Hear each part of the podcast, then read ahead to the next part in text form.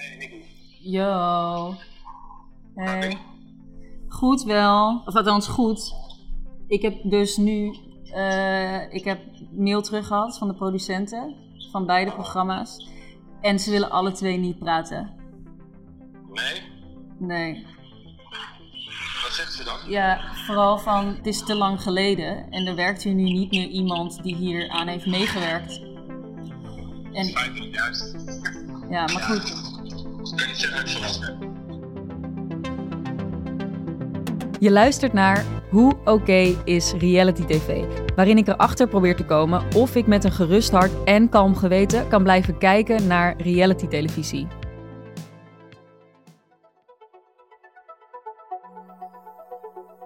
De verhalen van Paul en Irina uit de vorige aflevering, de verhalen van oud-deelnemers van wat mij betreft opvallende realityprogramma's, roepen vragen bij me op. Gaat het er wel zo netjes aan toe bij het maken van reality? Ik wil weten hoe makers hierover denken. Zijn zij bezig met wat moreel gezien wel of niet kan in hun werk? En waar ligt voor hen de grens? Kunnen ze mij als bezorgde kijker geruststellen? In deze aflevering antwoorden van de realitymaker.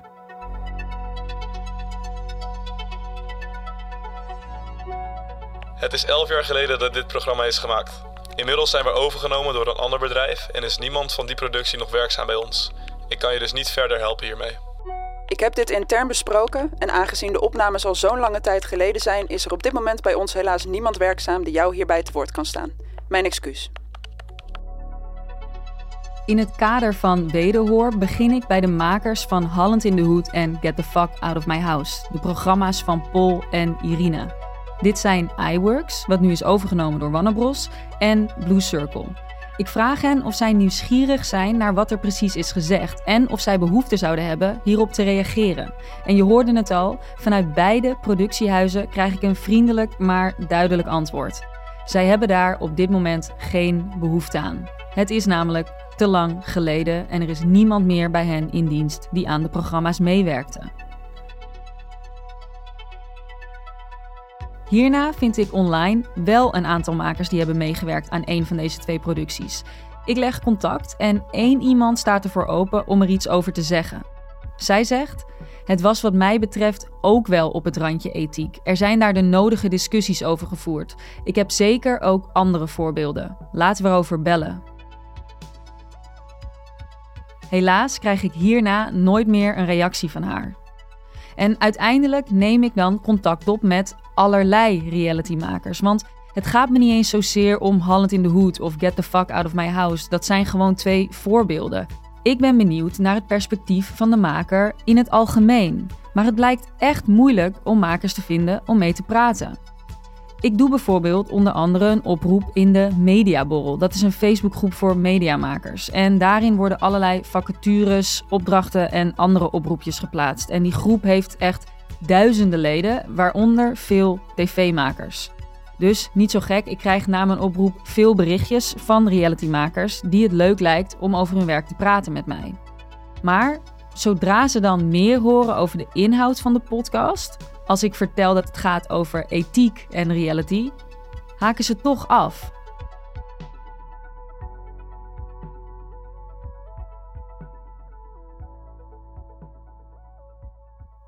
Ik weet niet meer zo goed hoe ik het moet aanpakken nu en ik leg het daarom voor aan Luc. Hij is mijn producent.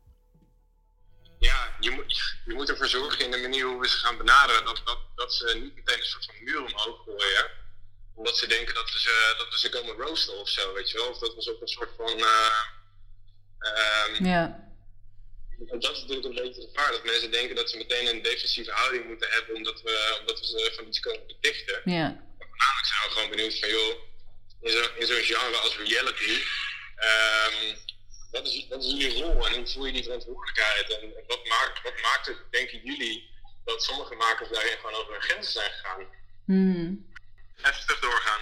Oké, thanks. Ik, eh, ik hou je op de hoogte dan. Is goed. Thanks. Joejoe. Op advies van Luc ben ik stug doorgegaan en ik ben met hagel gaan schieten en ik heb uiteindelijk toch drie makers gevonden die met me wilden praten. En dat zijn makers die het gewoon interessant vonden om een open gesprek te hebben over ethiek en grenzen bij het maken van reality. En ik vind het belangrijk om te zeggen dat ik deze mensen niet link of niet wil linken aan de programma's of situaties die ik in deze podcast noem. Dus de situaties of programma's die ik misschien te ver vond gaan.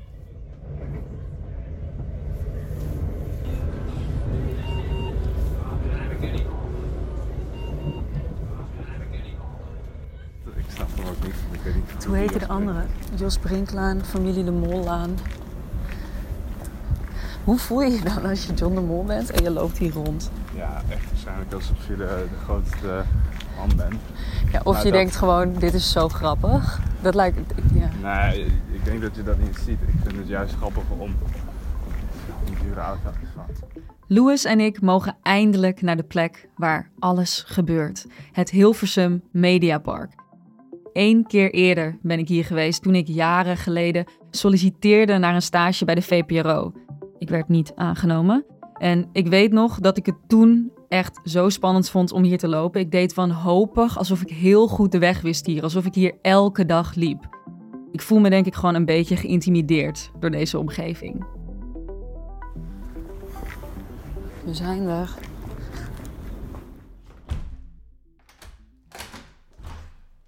Wat heb jij gehoord van... eh, want in, hoever- in hoeverre weet je eigenlijk wat we aan het doen zijn? Qua... Wat we aan het maken zijn. Mm, Ja, vrij sumier, inder- Ja. inderdaad. Ja. Ja. het is fijn als je het nog een keertje Ja, even... Staat hier goed, de, de Ja. microfoon zo? Oké.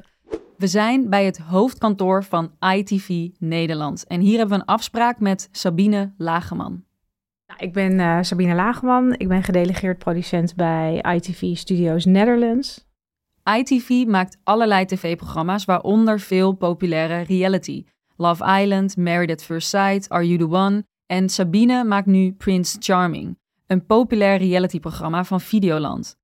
In Prince Charming gaat een man op zoek naar de liefde. Een groep vrijgezelle mannen zit in een villa en moet dan het hart van deze zogenaamde prins zien te veroveren. Het is net zoals The Bachelor of The Bachelorette, maar dan gay.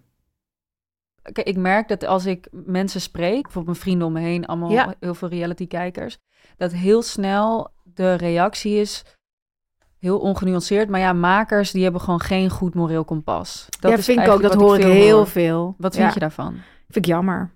Vind ik echt heel jammer. Want als je eh, zou weten met hoeveel passie en aandacht en empathie eigenlijk eh, er wordt geproduceerd door ja, mijn collega's allemaal, vind ik dat heel jammer dat je zo wordt gezien als een soort van commerciële high-buy die over lijken gaat eh, om maar gewoon de kijkcijfers te halen.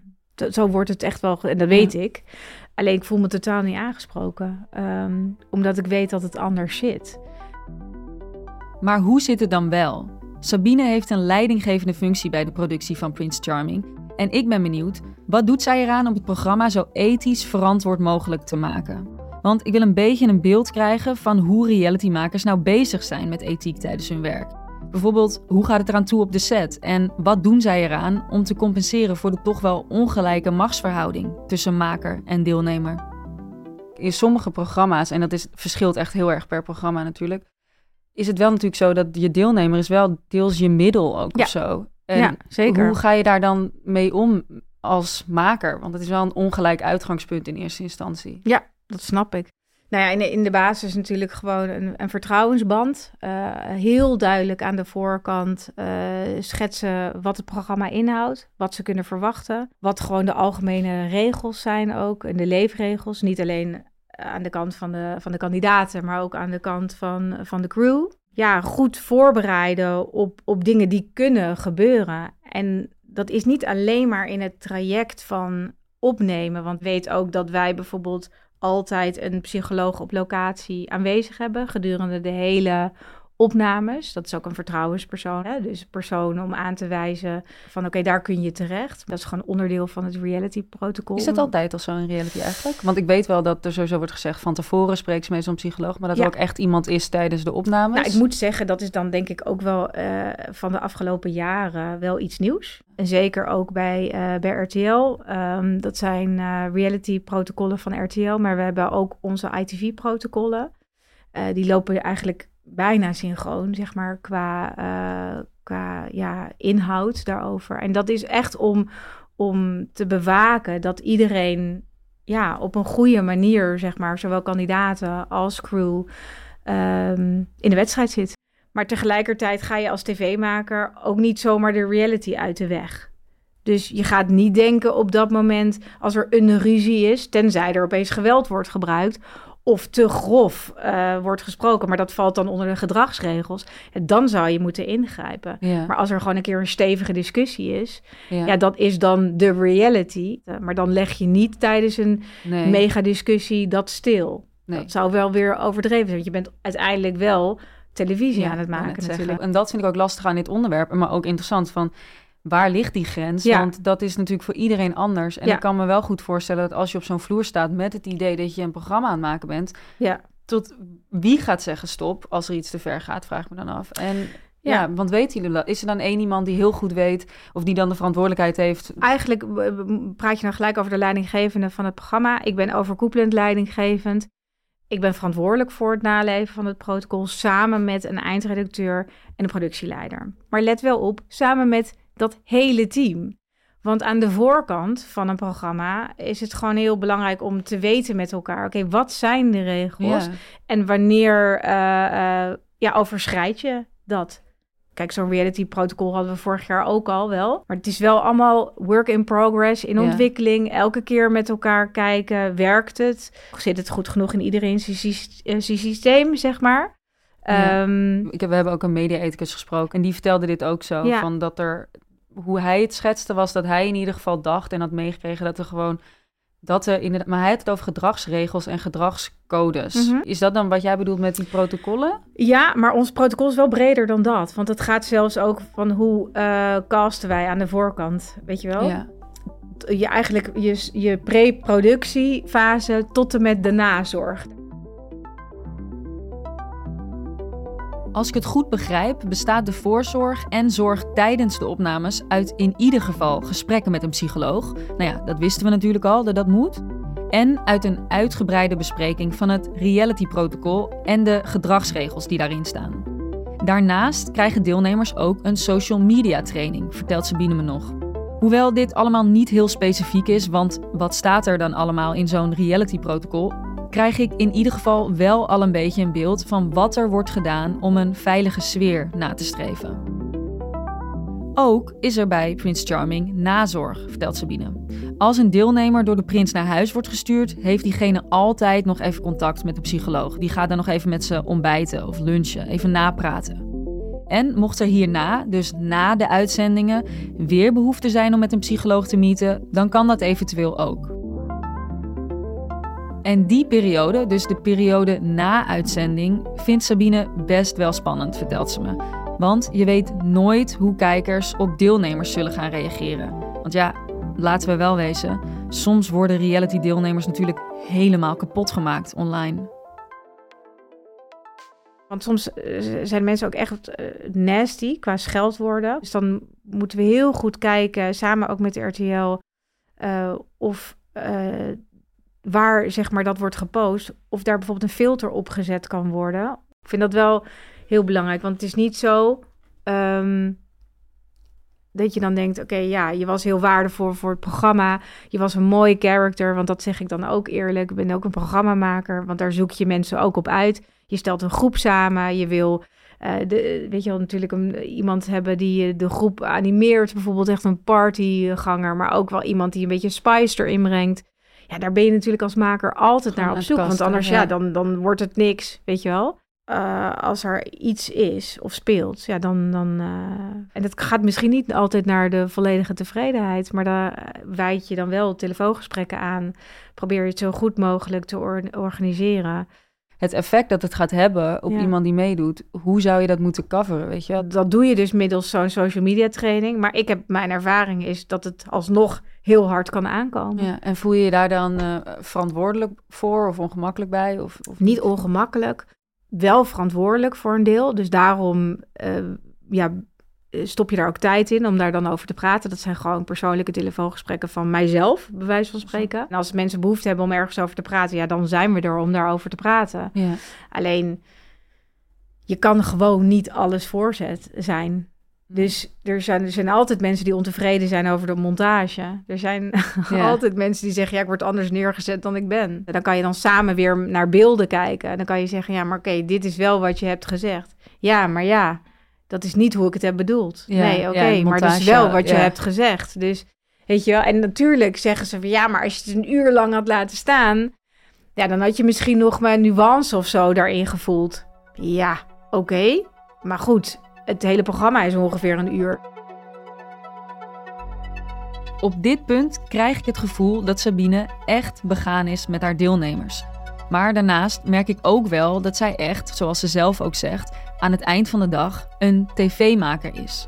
En dat betekent, er zijn gewoon grenzen aan hoeveel rekening je met iemand houdt of hoeveel rekening je kunt houden met iemand. Want je maakt entertainment en dat wil je goed doen. Enerzijds moet een maker dus zijn deelnemers, even overdreven gezegd, beschermen.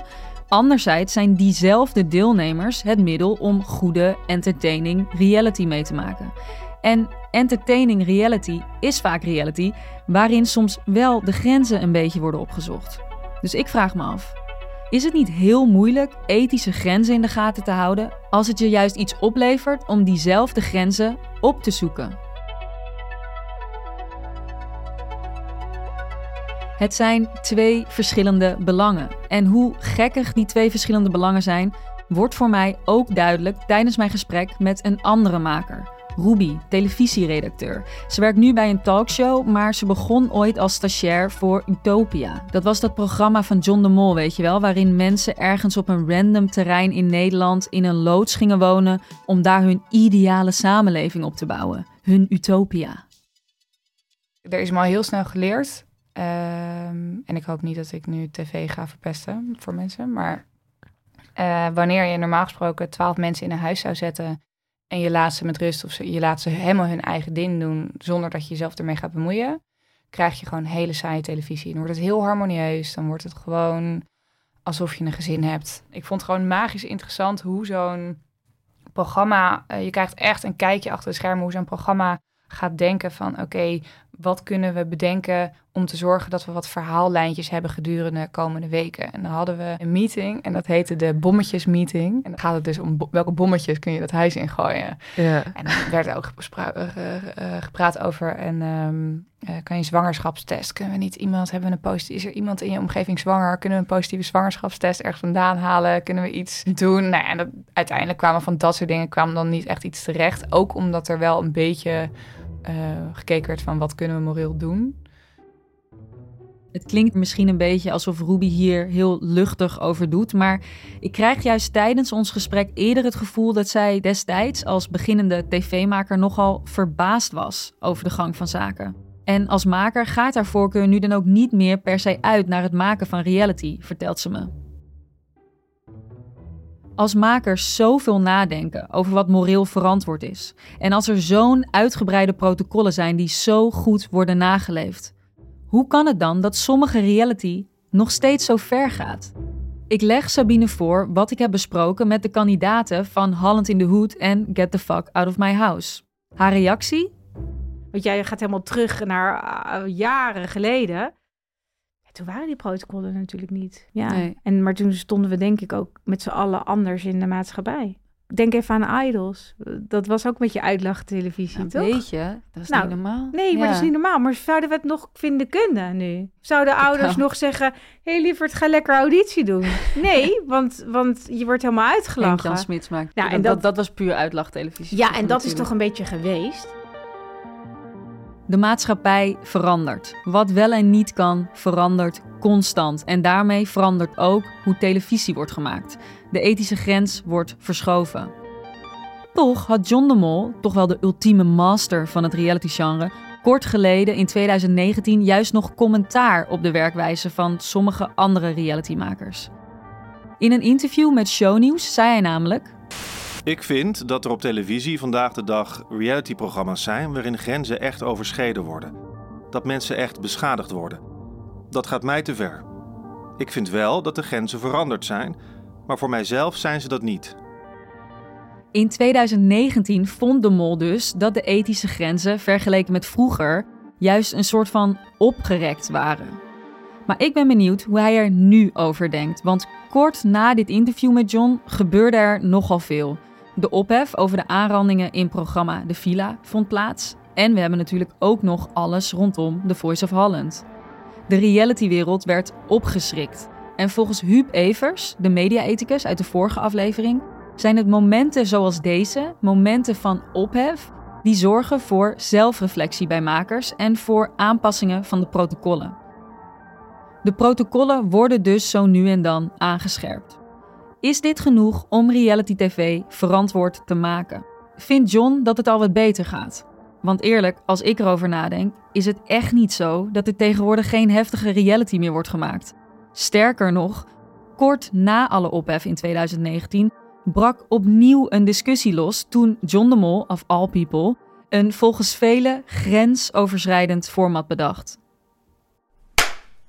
Dansen en alles afscheuren. Waar we vandaag naar gaan kijken is het meest bizarre wat ik in tijden heb gezien. Een gefaald Russisch experiment, de Nederlandse Squid Game. Eind 2021 kon je twee dagen en nachten op SBS6 live meekijken met wat de Volkskrant noemde een langgerekte marteling. Als je met je ogen kneep, wist je niet of je naar een dansprogramma op SBS 6 of een livestream uit Guantanamo Bay zat te kijken. Het gaat over de dansmarathon. In dit programma probeerden 100 koppels 50 uur achter elkaar te dansen.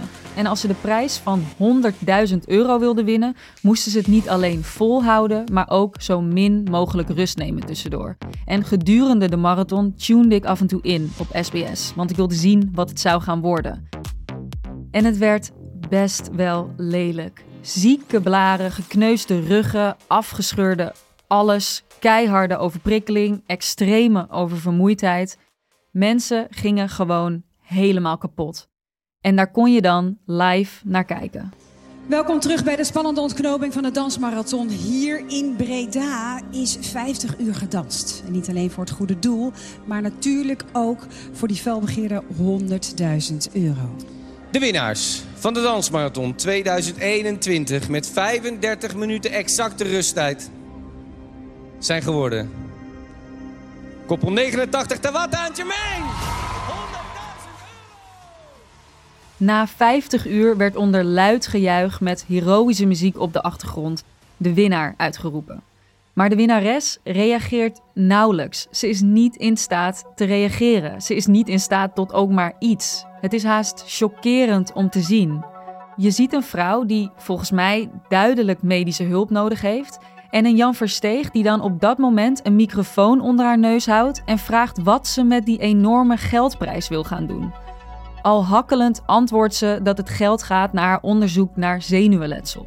Wendy van Dijk zegt: Wow, fantastisch. De Volkskrant. Dansers strompelden, huilden, vielen flauw. Vermakelijk was het, zeker, maar op een perverse en haast dystopische manier.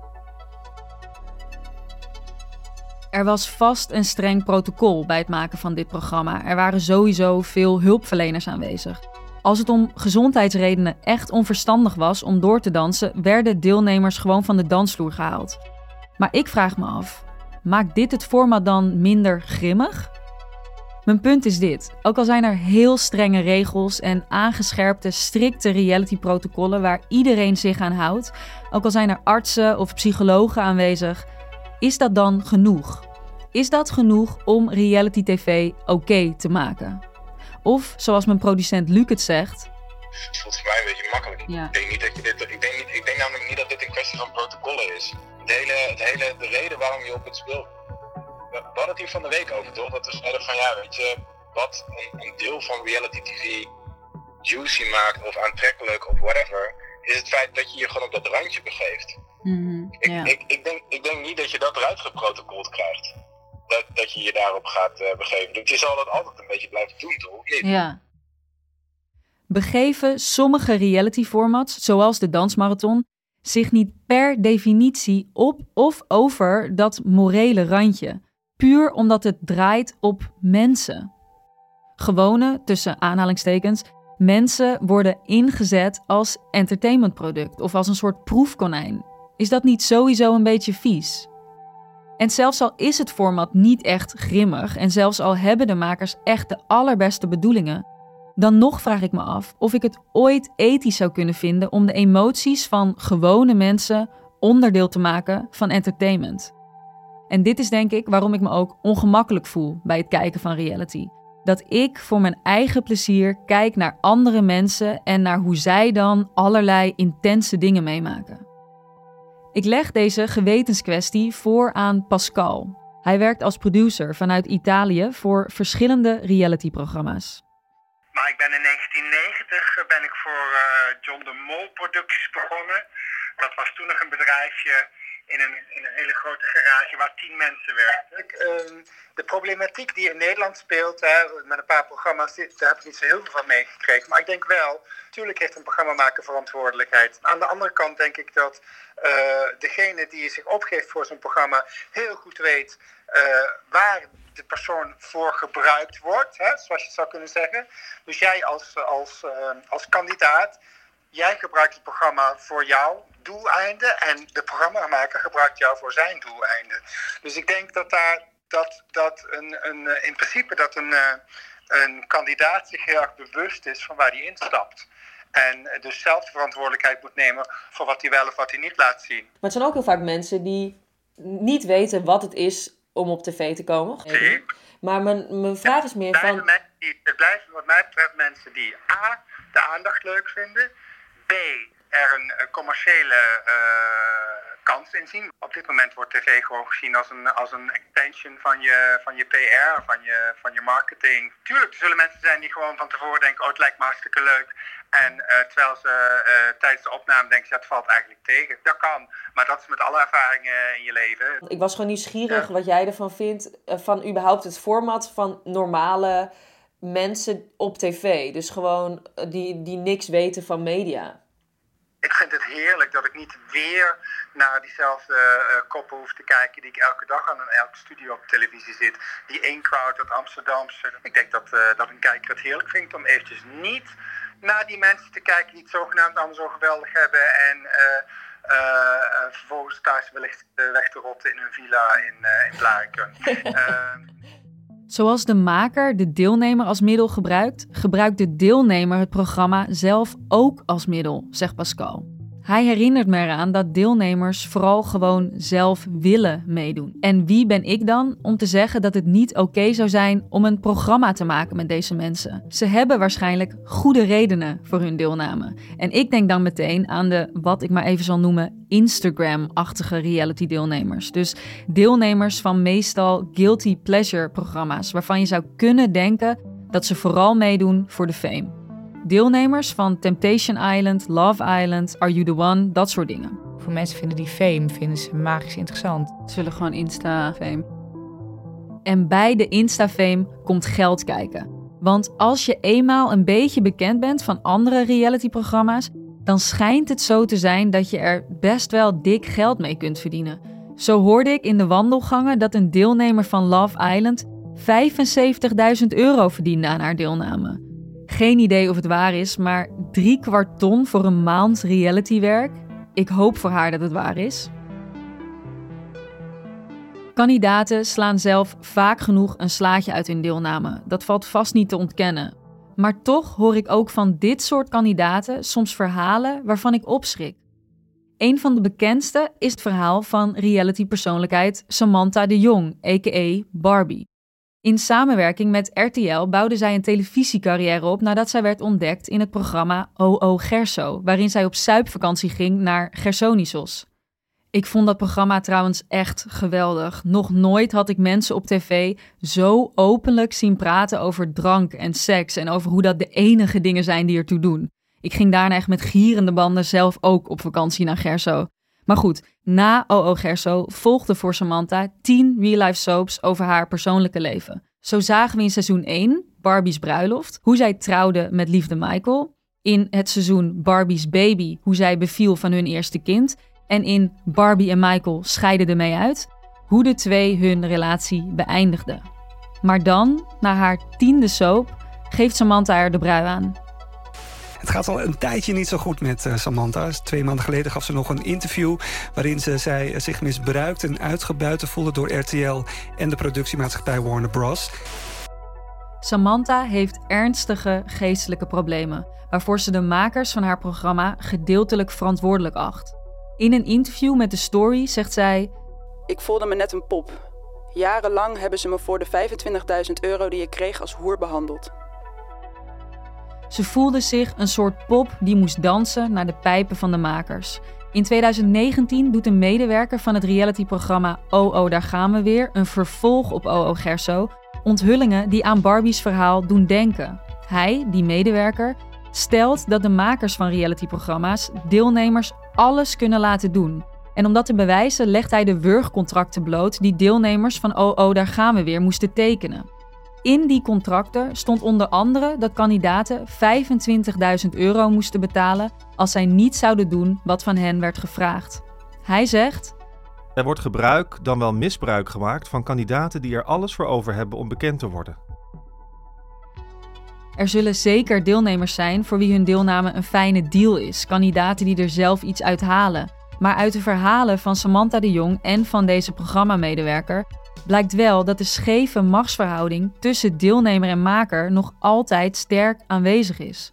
Alleen al doordat er via contracten druk kan worden gelegd op de mate waarin jij als deelnemer moet doen wat de makers van je vragen.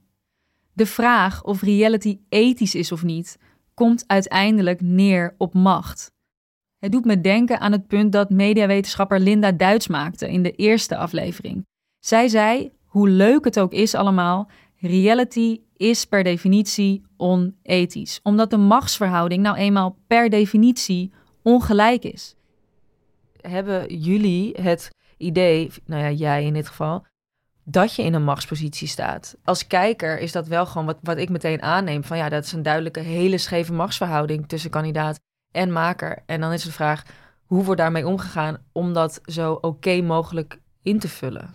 Ik vraag dit aan Ruby, de redacteur die je al eerder hoorde. Nou, ik voel me 100% uh, in een scheef machtspositie staan. En dan sta ik aan de bovenkant en een deelnemer aan de onderkant. Dus dat, dat voelt absoluut zo, omdat ik weet, zij komen in beeld. En als ik zij dingen toefluister uh, van hè, doe een beetje lekker zo of lekker los of hè, heb het vooral lekker over dat onderwerp.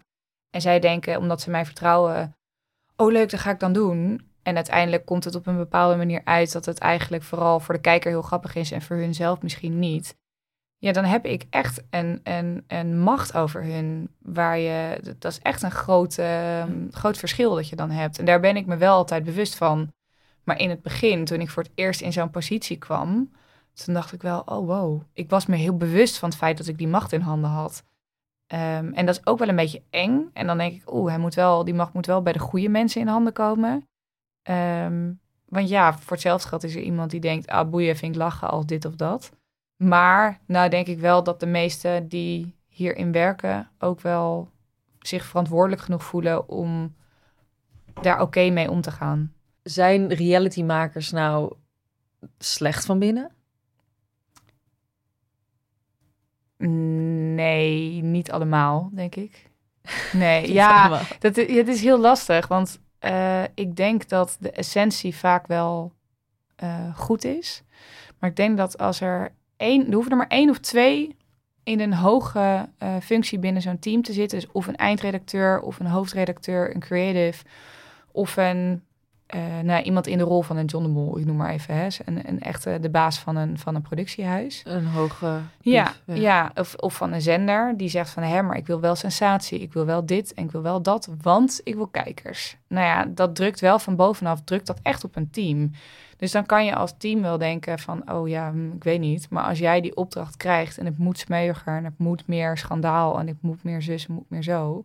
Wat je leidinggevende van je verwacht, drukt op je als werknemer. Zo onthulde Peter R. Vries in RTL Boulevard dat het grensoverschrijdende gedrag in de villa niet uit de lucht kwam vallen. Er waren blijkbaar mailtjes vanuit RTL naar de producent gegaan waarin werd aangestuurd op meer seks. RTL mailde letterlijk: er moet meer seks in. Dat sommige dingen soms ver gaan op tv heeft niet per se of niet alleen te maken met het moreel kompas van de individuele makers. Nee, het zegt ook iets over de, over de manier waarop uh, televisiemaatschappijen, uh, omroepen en, en productiebedrijven werken. Je hoort Huub Evers, de mediaethicus. mensen hebben daar een, eh, een, een, een, een los contract. En dat loopt aan het einde van het seizoen af. En dan kan ik me wel voorstellen dat je toch wel dingen doet om te zorgen dat je in ieder geval niet uit de gratie raakt. En als het kan, dat je dan nog iets meer in de gratie raakt. En dat je misschien ook dingen doet waarvan je achteraf denkt: hoe, uh, hoe, hoe heb ik dat toch kunnen doen? Dat is, wat was dat stom van mij? Veel tv-makers werken op projectbasis. Misschien verklaart dit wel waarom de meeste makers liever niet met mij wilden praten. Waren ze voorzichtig?